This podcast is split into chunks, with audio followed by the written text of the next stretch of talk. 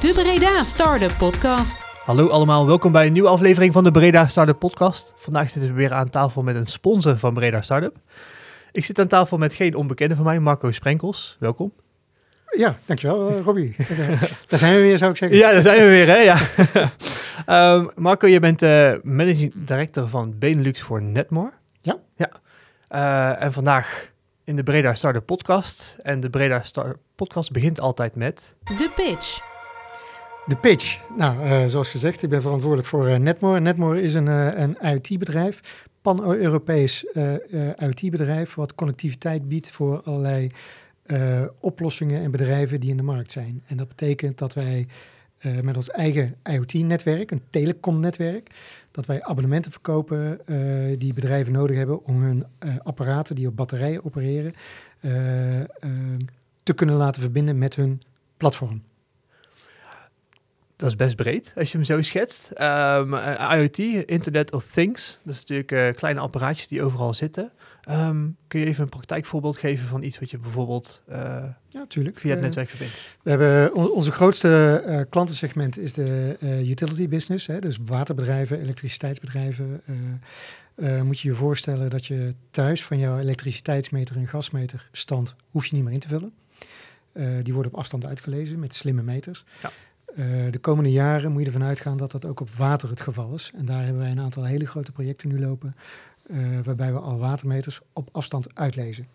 Uh, dan moet je denken aan Evides, Brabant Water en internationaal Yorkshire Water.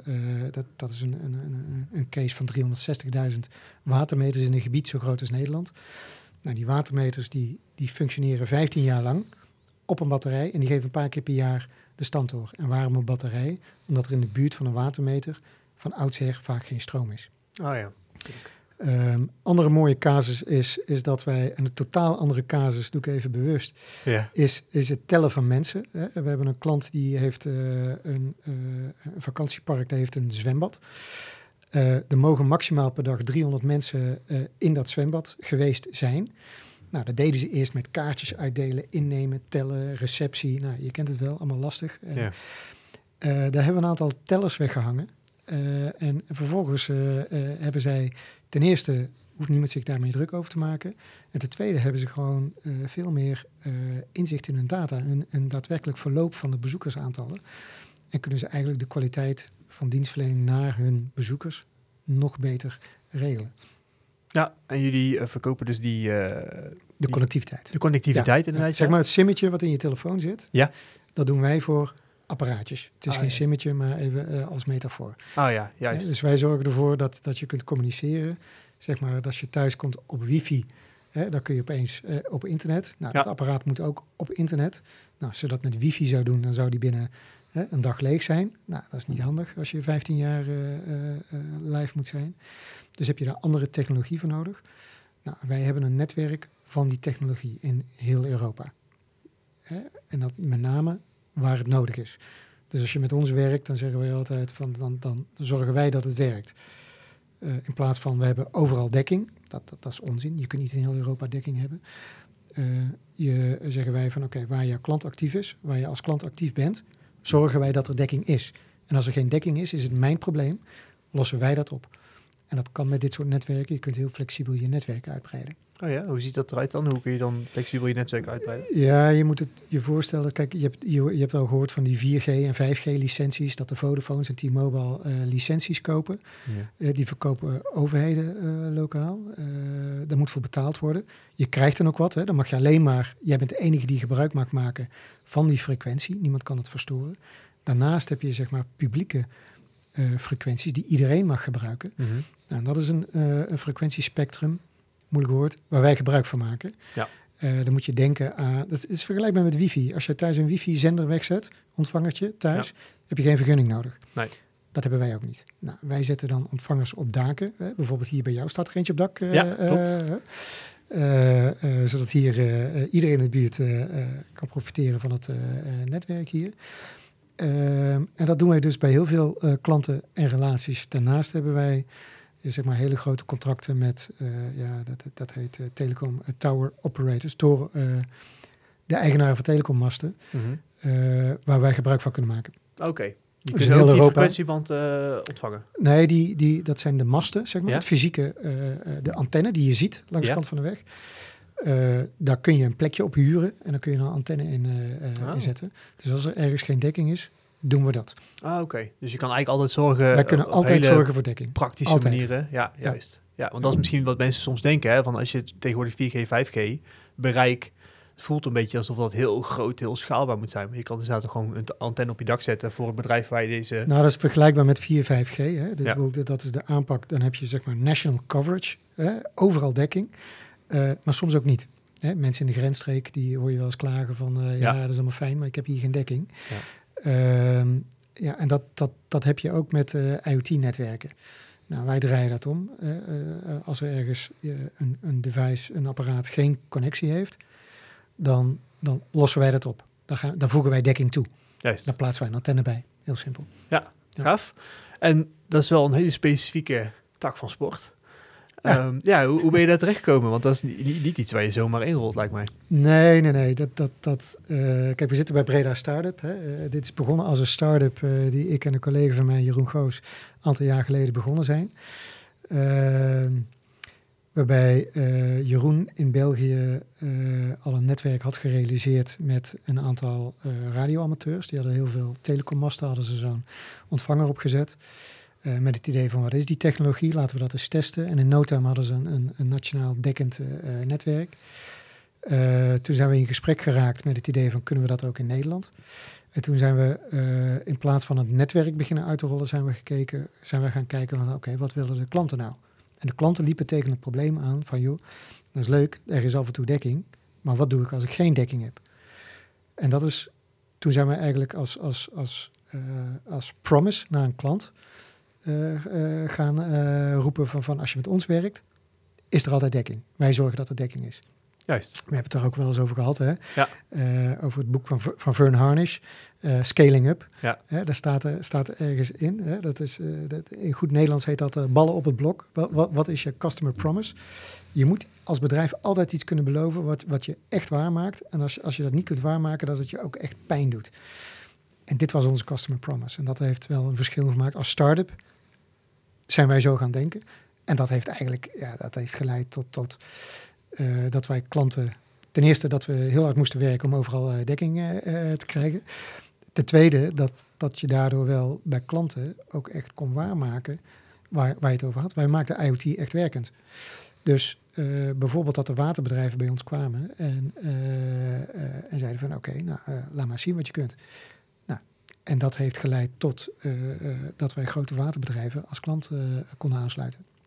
Dat is wel begonnen met je, met je voeten in de klei. Dat is wel echt daadwerkelijk zorgen dat je Ja. in een klein gebied zorgt dat het werkt. Ja, wij zijn begonnen met te roepen van eh, Breda is de, de, het beste IoT-regio van, van Europa. Ja. En dat vind ik nog steeds. En ik weet ondertussen dat het ook zo is.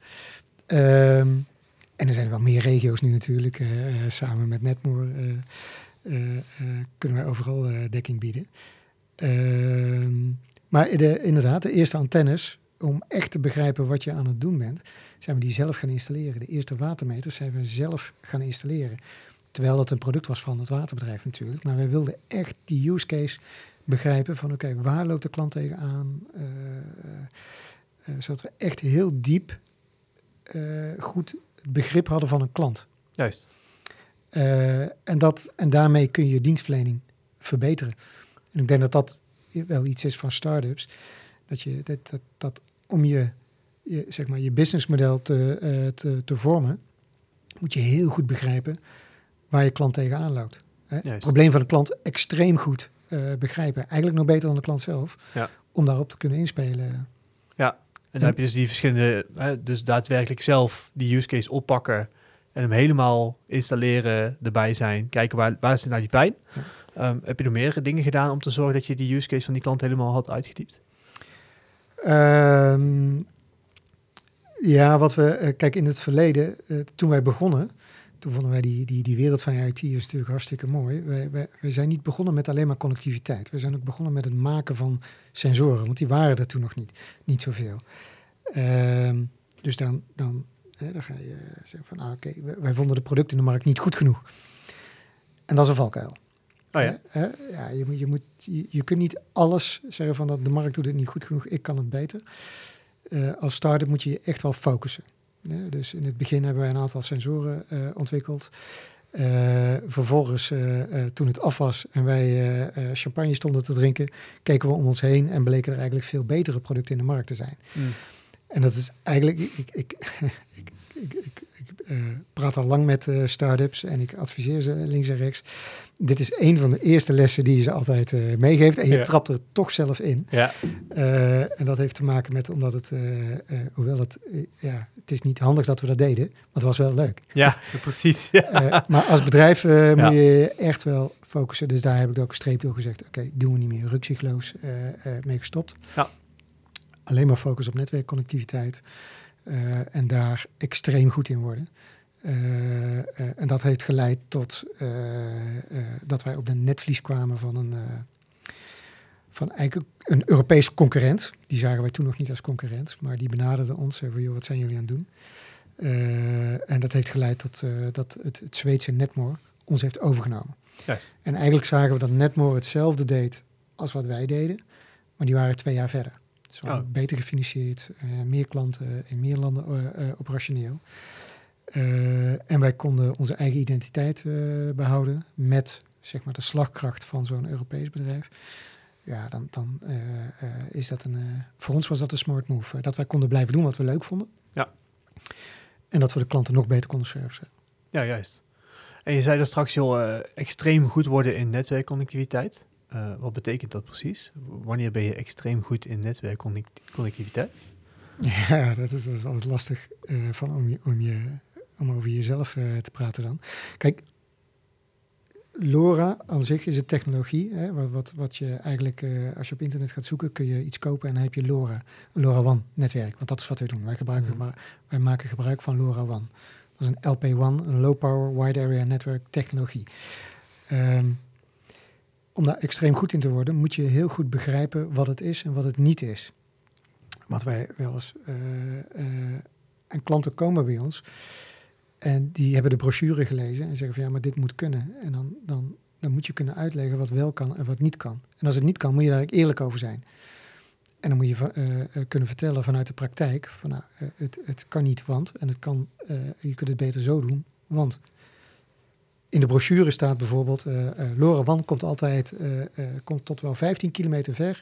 En de batterijen gaan tot 15 jaar mee. Ja, dat, dat, dat is heel leuk. Maar in een stad, bijvoorbeeld in Breda, ja, dan zou je, als je dat zo zou uitleggen, heb je één antenne nodig. En dan zou je heel de stad Ja. doen. Ja, helaas, dat is niet zo. je hebt daar wat meer diepgaandere kennis voor nodig. Eh, je moet de processen in orde hebben in plaats van vanuit de technologie. Dan heb je een netwerk. Waar wij eh, goed in zijn, is het proces op orde zijn wat te doen als er geen connectiviteit hebt. Juist. Dus het is niet alleen maar, zeg maar, eh, je zet antennetjes weg. Nee, wij zijn goed in het, in het omgaan met eh, eh, eh, het netwerk uitbreiden. De processen eromheen. Juist. Ja. Ja. en dat maakt je dus extreem goed. Daarmee eh, vind ik dat wij ons eh, eh, onderscheiden van, van, van, van ja, gewoon, gewoon, eh, bestaande netwerken. Ja. Ja. Ja, nee, zeker. Ehm, als je gaat kijken, want eh, jullie zijn dus inderdaad als start-up overgenomen door Netmore. Ja. Ehm, wat is in de tijd dat je met eh, dit bedrijf bezig bent de grootste les geweest? De grootste les is wel die, die, die focus. Focus is absoluut de, de beste les die, die we gehad hebben. Ehm, toen wij begonnen met hardware ontwikkelen en connectiviteit en platform en alles wat erbij hoort. Ehm, op zich moet je wel zo'n fase doorheen om te kunnen focussen. Maar je moet je wel van tevoren beseffen dat je op een gegeven moment eh, dat je keuzes moet maken. We hadden ook een hardwareleverancier kunnen, kunnen worden. En kunnen zeggen van oké, eh, eh, we gaan sensoren ontwikkelen. In dit geval was dat duidelijk niet de juiste keuze. Mhm. Ehm, maar dat was de wijze les was misschien is dat ik het. Eh, eh, we hadden die keuze eerder kunnen maken. Ja, toch wel? Ja, dat had wel kunnen. Ja. Had ons eh Want je hebt het wel aantal nodig maanden gescheeld. Je hebt het wel nodig om daar te komen, toch? Ik bedoel, je hebt wel. Je hebt het nodig. Je, hebt al die facetten moet je hè? doen Je ten moet- je- eerste je moet- je- om het te begrijpen. Ja, kijk, wat, wat niet werkt, is beginnen met een plan en dat als een kip zonder kop uitvoeren als, als project. Zo worden wel, zo kun je, als, binnen een groot bedrijf kun je een project uitvoeren. Hè, we gaan dit doen en dan met een begin en een eind heb je projectmanager nodig, uh, ruksigloos. Uh, gaat over lijken, dat ga ik uitvoeren. Als start-up is dat killing. Dus je moet breed gaan, maar je moet ook continu uh, om je heen kijken wat werkt, wat niet. En hoewel we dat deden en hoewel uh, we dat als geen ander weten, en daar hebben wij het ook al in andere podcasts uh, al vaker ja, over gehad. Klopt. Uh, het is een hele dunne lijn. Het is een hele dunne lijn. Dat je af en toe toch vergeet op een bepaald vlak terug te kijken. En, en dit was er één, als ik nu terugkijk, dan hadden we iets eerder kunnen switchen. Yes. Waren we dan ergens anders terechtgekomen? Nou, misschien niet. Nee, nee inderdaad. Nee. En wat was dan de reden dat je het toch langer hebt volgehouden? Was het echt het leuke aspect wat je zei? Want het is ook wel gaaf om met de fysieke hardware bezig te zijn? Of? Nee, nee, gewoon uh, uh, bezig met een use case, het voor een klant proberen op te lossen. Mm -hmm. de klant was wel tevreden. Ehm, maar uiteindelijk was het niet het beste advies voor de klant. Okay. Dus je bent, je beide, zowel klant als wij, keken niet om ons heen of er niet andere alternatieven waren in de markt. En die, en die waren ondertussen ontstaan. Ja. En hoewel wij continu rondkeken, waren we dat vergeten. Ja, nou goed. Of ja, niet snel genoeg. Nogmaals, ja, ja. het scheelt een paar maanden. Maar in het leven van een start-up is een paar maanden. Dat, dat, dat is. Uh, ja. Dat had ons ook de kop kunnen kosten, bijvoorbeeld. Ja, juist. En is het dan inderdaad misschien juist die focus op die klant die dan misschien dat te veel weghaalde? Zo van, we gaan deze use case helemaal afmaken? Nou, kijk, als start-up zijn, dan moet je bereid zijn om klanten te verbranden, zoals dat uh, uh, zo mooi heet. Hè. Het, de start-ups en ook wij, hè. Uh, wij zijn heel erg klantgericht. Maar uh, je moet ook af en toe nee kunnen zeggen tegen een klant. En dat noem ik dan klanten verbranden. Kijk, het gaat niet om, het, uh, om de beste, te, meest tevreden klanten. Mm -hmm. Als start-up gaat het erom dat je zo snel mogelijk leert. En dan kan het wel eens zijn dat je daarvoor een klant moet... Uh, ja, dat dat de kosten gaat van een klant. Ja.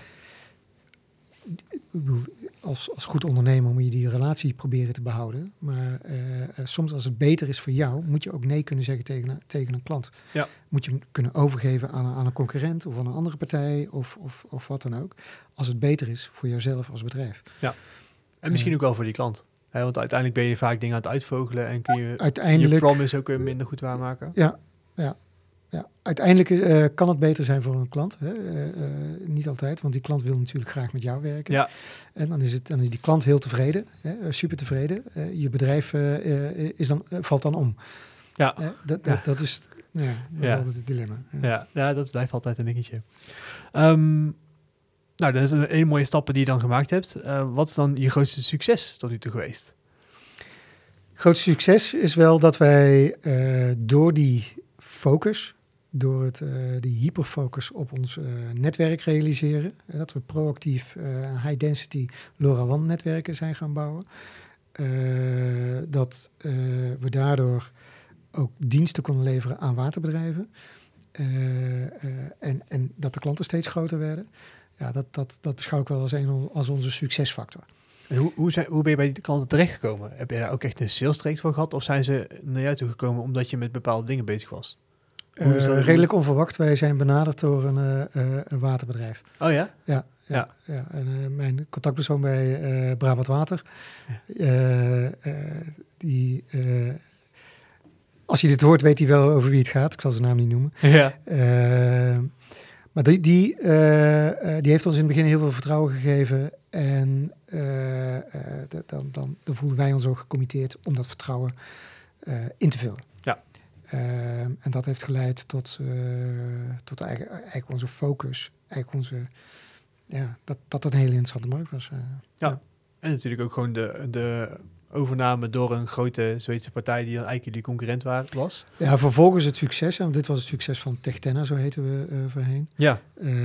Want hoe, hoe, is dat terecht gegaan? Hè? Want je bent natuurlijk uh, je bent overgenomen, maar daarvoor heb je al een aantal successen gehad. Nou, het succes met Techtenna was dat, was dat wij waren dat netwerk aan het bouwen. Wij sloten klanten aan en dergelijke waterbedrijven. En wij, wij, wij, wij praten daar graag over natuurlijk. En dat kwam op het netvlies van Netmore. En Netmore, nogmaals, die liep een aantal jaar voor op ons. En die hadden een Europese strategie. Die, die hadden, uh, of hebben nog steeds, hebben we, moet ik ondertussen zeggen, een, uh, een, een koopstrategie, een bouwstrategie of een samenwerkstrategie. Ja. En wij, wij pasten in die koopstrategie. Ja, dus wij waren een, uh, een partij die in een, met nationale ambities, gefocust op hun focusmarkt ook, water, utility bedrijven. -hmm. dus wij pasten daar perfect in. Dus ja, dat was eigenlijk een. een uh, dus zij hebben ons benaderd. En uh, mijn eerste antwoord was nee. want dat is wat ik en Jeroen altijd zeiden: van ja, als er iemand voorbij komt, nee, die, die gaan we niet doen, die is te leuk. maar goed, op een gegeven moment ja, worden de gesprekken wel serieus. En mm -hmm. ja, ga je toch ook wikken en wegen. En op een aantal vlakken was het een, een hele goede ja, goed traject voor ons, uh, zeg maar. Ja. Ja, wat, wat is de grootste overweging geweest om het toch wel te doen? Is het voor je eigen schaalbaarheid? Dat we konden blijven doen wat we aan het doen waren. Juist. Uh, uh, maar met een grotere slagkracht. Hè, dus, dus het was een, het paste precies in onze strategie. Hè, dus dekking waar klanten zitten, beloven als, het, als je met ons werkt dat er altijd dat jouw oplossing kan gaan werken. Uh, dat daarvoor investeringen nodig uh, uh, zijn. Ehm, dus die, wij financieren dat uit eigen middelen voorheen, zo'n netwerk realiseren. Nou, dat, dat, is een redelijk lange termijn planning. maar met zo'n partij kun je eigenlijk veel sneller schakelen.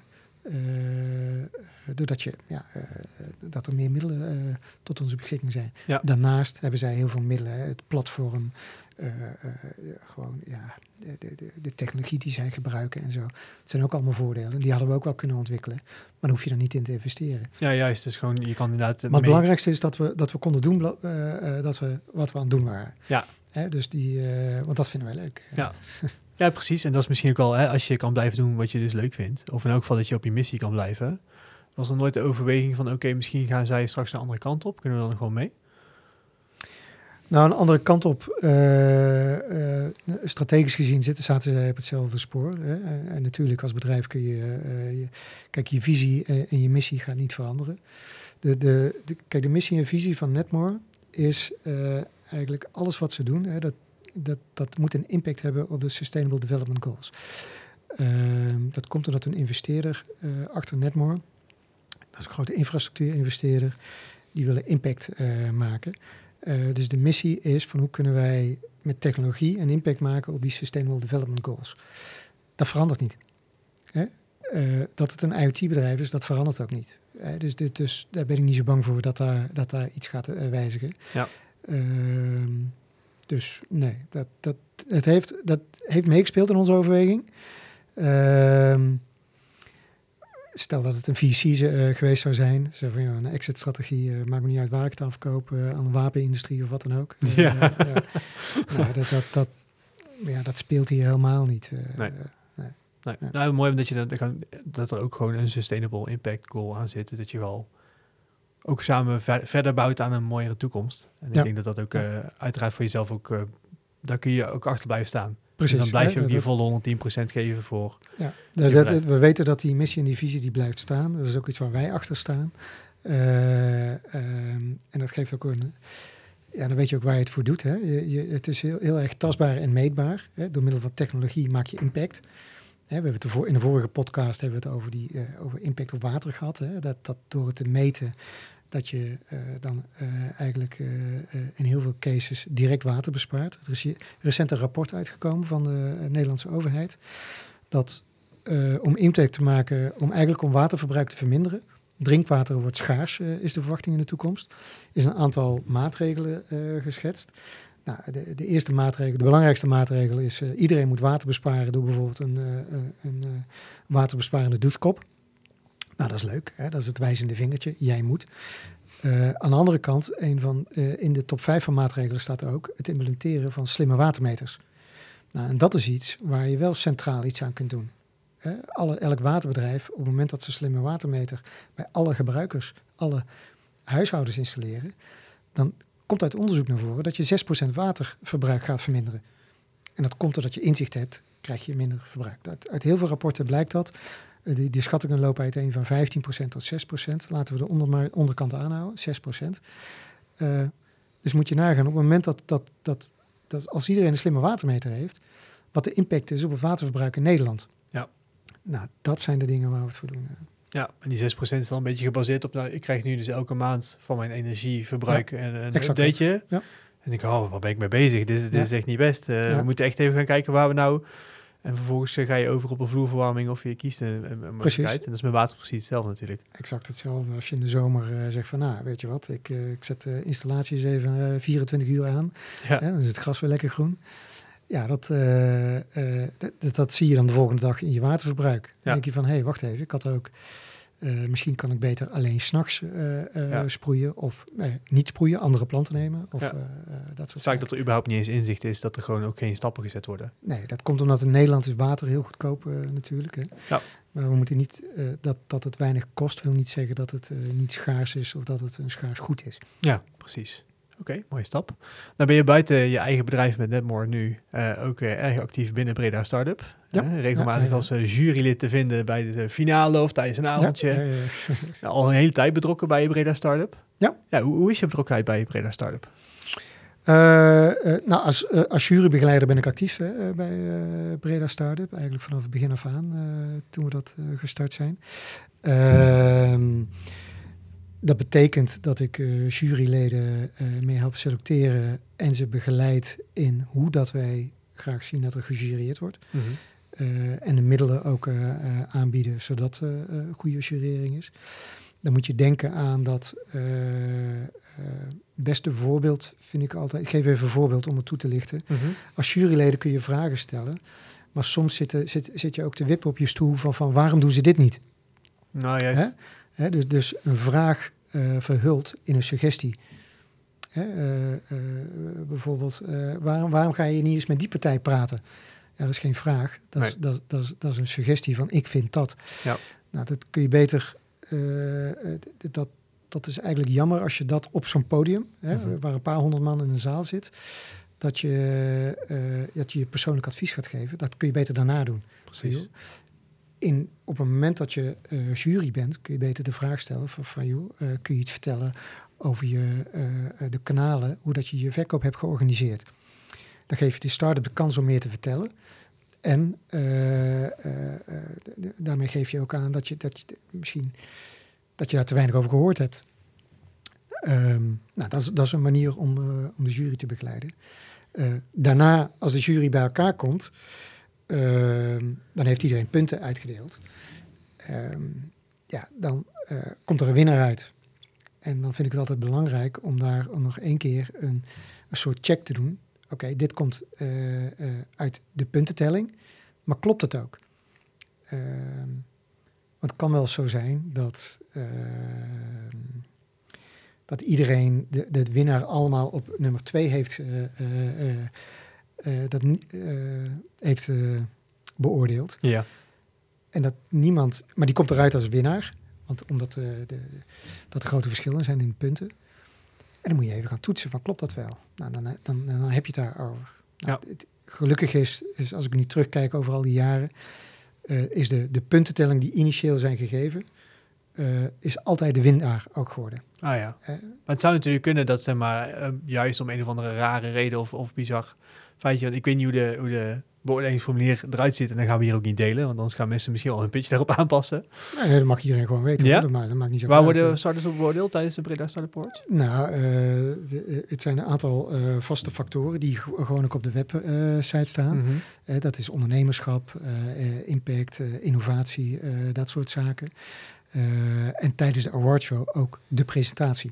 Juist. Telt niet zo zwaar mee. Het gaat met name, eh, want anders krijg je een soort... eh, eh, dat, dat het enige is de pitch. Eh, Ja. En, en eh, niet iedereen is even goed in pitchen. Telt maar een klein stukje mee. Eh, gaat sommigen zijn weer galoos in pitchen en dan blijkt de bedrijfsideeën Ja, iets ja, minder te zijn. Het is ja. natuurlijk eh, een beetje hoe het zit. Kijk, het is ook een, eh, het, het verhaal moet wel goed zijn, eh, eh, natuurlijk, moet kloppen. Ehm, dus dat, daar word je op eh, beoordeeld. Neemt de jury dat mee? Eh, we hebben wel eens eh, eh, lang moeten discussiëren over wie de winnaar dan is. Maar goed, daar kom je dan altijd uit. En dan moet ik als jurybegeleider help ik daarbij dan. Juist. En hoe kies jij je jury uit? Want ik, vaak zitten er andere mensen. Soms zit er een oud-winnaar bij en een beetje dat Het zijn allemaal ondernemers Ja. die, of iemand die een sterke affiniteit hebben met start-ups. Juist. Dat, dat, dat kunnen sponsoren zijn, kunnen mensen uit de markt zijn. Maar allemaal wel mensen met een affiniteit, sterke affiniteit met start-ups. Ja, juist. Ja. En, en wat betekent Breda Startup voor jou? Wat betekent dat voor mij? Ik vind het belangrijk voor Breda. Is dat, dat, dat de- kijk, we zijn dit ooit eens begonnen in de tijd van eh, dat er een programma was om start-ups eh, te begeleiden. eh, om start-ups op het podium te zetten. En Breda heeft ongelooflijk veel mooie bedrijven die eigenlijk niemand kent. En ik vind als Breda mogen we daar best trots op zijn. En dan moet je ze het podium heffen. Hè, er zijn ondertussen eh, ja, eh, is er best wel aandacht voor, eh, voor ondernemerschap in deze hoek. Maar voor start-ups kan het nog steeds veel meer. En dan moet je ze de kans geven om te vertellen over hun bedrijf. En als, ik bedoel, wij zijn allemaal ondernemers. Ik vind het ook mooi om te luisteren naar mooie ondernemersverhalen. en dan vinden wij het helemaal niet erg om, om, om die start-ups tips te geven en dergelijke. Maar wat is nou belangrijk is, is, is met name dat, dat je die verhalen deelt. eh, dat je ze podium geeft en dat je een beetje zoals. Ehm, maar je mag als regio best eh, trots zijn op wat, die, wat, wat je allemaal te bieden hebt aan, eh, aan ondernemerschap. Ja. En dit is ook dan een kleine bijdrage eraan en daar help ik graag bij.